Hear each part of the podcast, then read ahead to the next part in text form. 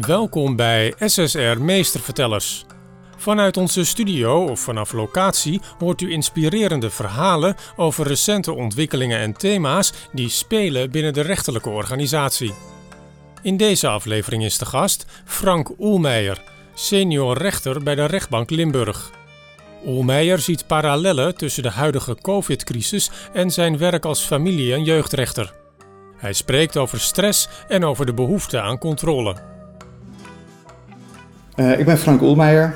Ik werk als seniorrechter in de rechtbank Limburg, de locatie Roermond. En de afgelopen jaren ben ik actief in het familie- en jeugdrecht. Uh, maar ik ben eigenlijk een generalist. Ik heb ook heel veel handelsrecht gedaan en heel veel strafrecht. En ik kijk vaak graag met een brede kijk op, uh, op het recht, maar ook op de wereld en de samenleving. En dat brengt mij vandaag in deze podcast tot het onderwerp de behoefte aan controle. En dat onderwerp is ingegeven door het vakgebied waar ik in werk, familie- en jeugdrecht, waar we heel erg gefocust zijn op mensen weer in een proces zetten, zetten mensen die in een conflictscheiding zitten, weer het ouderschap samen laten dragen. Uh, maar het brengt mij ook uh, tot iets anders, namelijk een wat meer basale overdenking die wordt ingegeven door de COVID-crisis. Begin even met dat laatste. De COVID-crisis, wat mij daarvan fascineert, is hoe in de hele wereld reacties op elkaar lijken. En hoe je mondiaal een beweging ziet waarin lockdowns plaatsvinden, waarin ingrijpende maatregelen uh, worden genomen om de verspreiding van het virus tegen te gaan. En ik heb me echt afgevraagd, hoe kan dat nou in deze wereld die zo divers is, met zoveel verschillende mensen, maar ook zoveel tegenstellingen en zoveel strijd, dat je hier een soortgelijke reactie ziet bij zoveel landen, bij zoveel continenten, in zoveel verschillende culturen. En het antwoord op die vraag is voor mij dat mensen in de kern biologische wezens zijn en onderhevig in hun gedrag aan biologische prikkels. Als ik denk aan de COVID is het logisch dat het angst inboezemt door de snelheid waarmee besmettingen rond waren over de aarde. De pandemie ontstond, het hoge sterftecijfer in een aantal landen om ons heen en de onbekendheid met het virus. En wat, wat bekend is van onzekerheid, is dat dat angst inboezemt en tot stress leidt. Nou heeft stress in onze samenleving een best een negatieve lading. Um, maar eigenlijk als je basaal kijkt, wat is de betekenis van stress in een mensenlijf, dan is het iets wat bedoeld is om je in stand te houden, om je leven juist te redden. Ik kan het uitleggen aan een voorbeeld. Op moment dat je buiten loopt uh, in het oerwoud, het zal hier in Nederland niet zo snel zijn, en je komt een roofdier tegen, een tijger, dan wordt er meteen een deel van je zenuwstelsel geprikkeld wat maakt dat je adrenaline aanmaakt. En dat je dus sterker bent en sneller bent en kunt vluchten of kunt vechten. Nou, in het geval van de tijger is vluchten het beste alternatief. Maar je fysiek is zo ingericht dat meteen die reactie plaatsvindt. En dat je meer energie krijgt, meer zuurstof. En dat je ook echt adequaat kunt, kunt handelen met het doel om jezelf in leven te houden. Nu in het westen van de wereld, in onze wereld en zeker in ons dagelijks leven, zijn dat soort bedreigingen niet meteen aanwezig. Maar er zijn wel prikkels en triggers die dezelfde reactie van het zenuwstelsel teweeg brengen. Een van de dingen die, waarvan uit onderzoek blijkt dat die stressverhogend werken is onzekerheid. Onzekerheid over de toekomst. wanneer je afhankelijk bent van de vraag of je werk blijft bestaan, of je ontslagen zal worden of niet. Eh, maar ook een scheidingssituatie. Dat levert heel veel stress op, omdat het onzekerheden met zich meebrengt. Dat is meteen het bruggetje naar uh, het dagelijkse werk als familie- en jeugdrechter. En dan wil ik uh, toch even wat zeggen over casussen die we heel veel zien. Uh, en wat we in de praktijk dan meemaken. En hoe daar dat basale zenuwstelsel doorwerkt in hoe mensen zich opstellen. Wat mij opvalt, is dat ik heel veel zaken zie van partners die een andere opvoedingsstijl hebben. En die op het moment dat ze samen waren, juist die diversiteit en opvoedingsstijlen als een kracht zagen. Kinderen konden goed profiteren van het feit dat bijvoorbeeld moeder wat meer kadert, vader wat meer vrijheid geeft. Zo krijgen ze een diversiteit aan voorbeeldgedrag waar ze van kunnen leren en ontwikkelen. Maar na een scheiding valt me op dat dat ineens een probleem wordt. Dat ouders dat naar elkaar toe uh, problematiseren en elkaar verwijten dat ze zo anders zijn. En dat ze dat ook een probleem maken voor hun kinderen. En ik heb me zitten afvragen van hoe kan dat nou toch? En wat je ziet dat er gebeurt, is dat ouders proberen controle uit te oefenen op de andere ouder als het gaat over de kinderen. de grote drijfveer daaronder is toch die onzekerheid. Want ineens heb je geen zicht meer, wat gebeurt er nou bij die andere ouder met de kinderen? En de andere ouder heeft geen zicht op wat gebeurt er met jou. En die onzekerheid leidt tot stress. Kinderen voelen dat aan, kinderen willen hun ouders pleasen, willen dat hun ouders zich weer gelukkig en blij voelen en gaan dan voor die ouders aan het werk. En dat maakt dat ze vaak vanuit loyaliteit veel signalen afgeven bij de ene ouder. we hebben het fijn bij jou, het is goed bij jou. En soms zo ver gaan dat ze, ja, we gaan eigenlijk liever wat minder naar de ander. En bij de ander precies hetzelfde. Die ouders horen dat en wat er bij hun gebeurt is dat in hun systeem zit van hé, hey, als ze liever bij mij zijn dan bij de ander, is het bij de ander niet goed. En dan krijg je een ander begrip wat een grote rol speelt in mensenlevens en hoe je kijkt naar de wereld en naar elkaar. En hoe je omgaat met conflict. En dat is het woordje perceptie. Het is toch goed om daar in dit verband heel even bij stil te staan. Want ieder mens heeft een eigen perceptie van de werkelijkheid. En het aardige is dat mensen denken dat die perceptie de waarheid is. Hoewel ze vaak wel weten dat dat niet zo is, denken ze dat wel en handelen daar ook naar.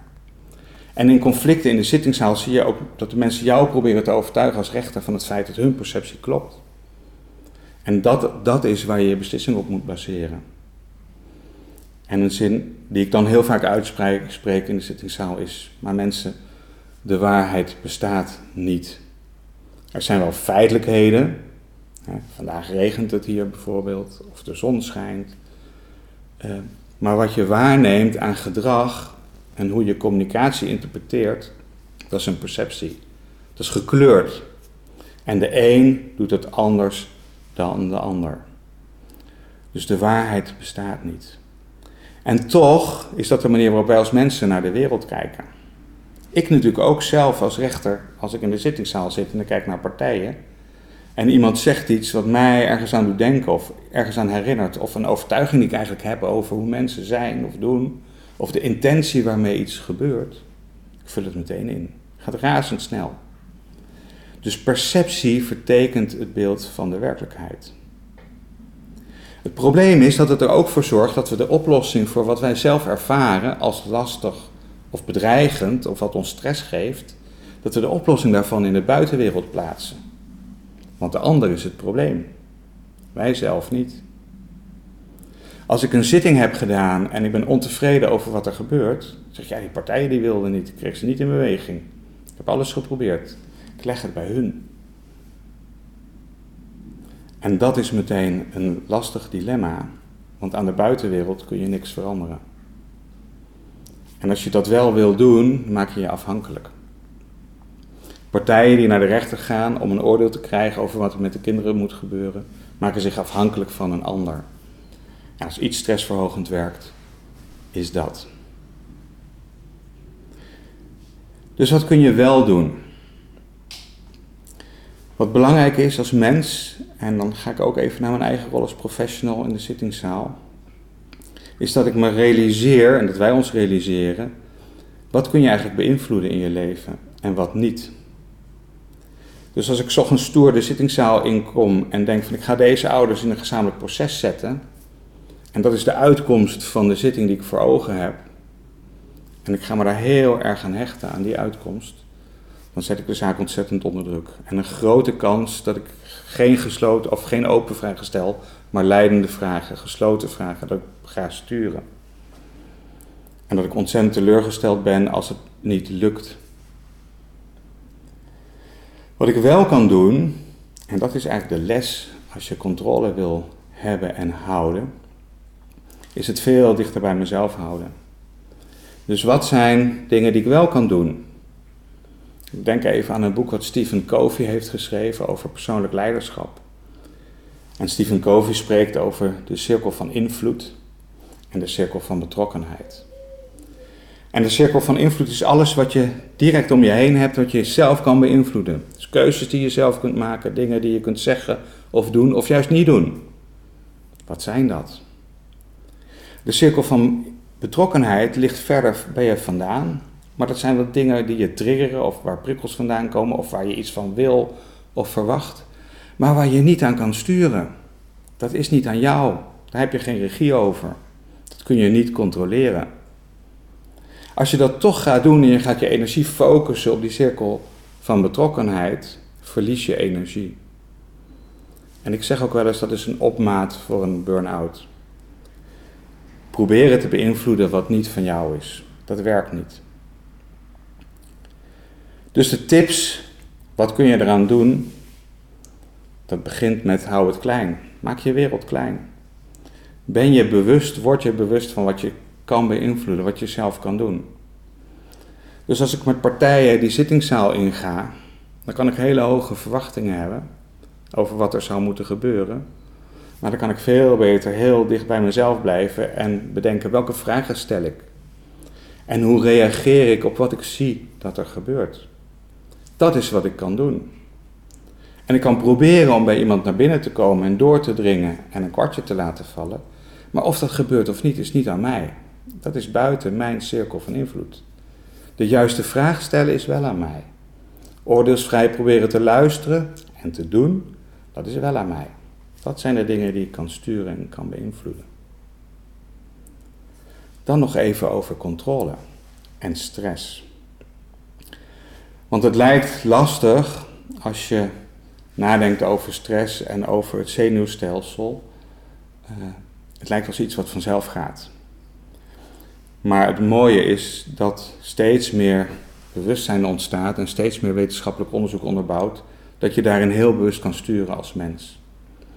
En ik denk dan bijvoorbeeld als een organisatie als HeartMath. Uh, dat is een organisatie die zich bezighoudt met ademhalingstechniek. Gericht op de energie van het hart. Ik noem het echt even bewust de energie van het hart. En zij trainen bijvoorbeeld politiemensen die in stressvolle situaties zijn geweest. Om die stress weer te kunnen loslaten. Want waar ik mee begon, is eigenlijk stress is een overlevingsmechanisme. dus stress is heel effectief en nuttig. Maar je moet het weer loslaten. Langdurige stress leidt tot allerlei ziektes uh, en een verstoring van het immuniteitssysteem en dergelijke. Door ademhalingstechnieken, gericht op je hartsenergie, kun je stress verminderen. En het mooie daarvan is dat er ontzettend veel dingen zijn, en voor ieder kan dat wat anders zijn, die helpen om in die ontspanning te komen. En het onderzoek blijkt dat op het moment dat je die hartgecentreerde ademhaling doet, of iets anders wat jou in een goede energie zet, dat kan ook yoga zijn, dat kan een meditatie zijn, het kan een wandeling in de natuur zijn, eh, het kan ademhaling zijn, dat het je helpt om weer veel verbindender te kijken, niet alleen naar jezelf, maar ook naar je omgeving. Dus als het je lukt om in die energie te stappen vanuit stress, dan kun je veel meer overzien van wat er gebeurt. Ook wat de ander drijft. Dus als ik als rechter in de zitting zit en ik vind het spannend, en ik herken dat bij mezelf, ik merk dat ik begin te transpireren, ik word warm, ik denk waarom lukt het nou niet? Is voor mij de les, en dat is ook meteen denk ik de tip, dat ik even terugga naar mijn ademhaling, me daar heel bewust van ben. Rustig in- en uitademen. En dan een stapje terug doen, figuurlijk, in gedachten. Van wat gebeurt hier nu eigenlijk? En dan weer teruggaan in de situatie met een open vraag. En bijvoorbeeld aan iemand te vragen, uh, waar ben je eigenlijk bang voor? Als je je zo vasthoudt aan dit standpunt, wat wil je dat er niet gebeurt? Het voordeel van zo'n vraag is dat je iemand weer bij zichzelf brengt. En dat hij in plaats van naar de ander kijken, naar zichzelf gaat kijken. En dat is de eerste stap om te komen tot inzicht en tot verandering. Dus mijn boodschap als het gaat over houden van controle en het weggaan bij stress is: ga naar binnen, ga naar jezelf, blijf bij jezelf. En daar ligt de oplossing. En van daaruit kun je dan weer gaan verbinden. Dit was SSR Meestervertellers. Wilt u op de hoogte blijven? Abonneer u dan op onze podcast. Graag tot een volgende keer.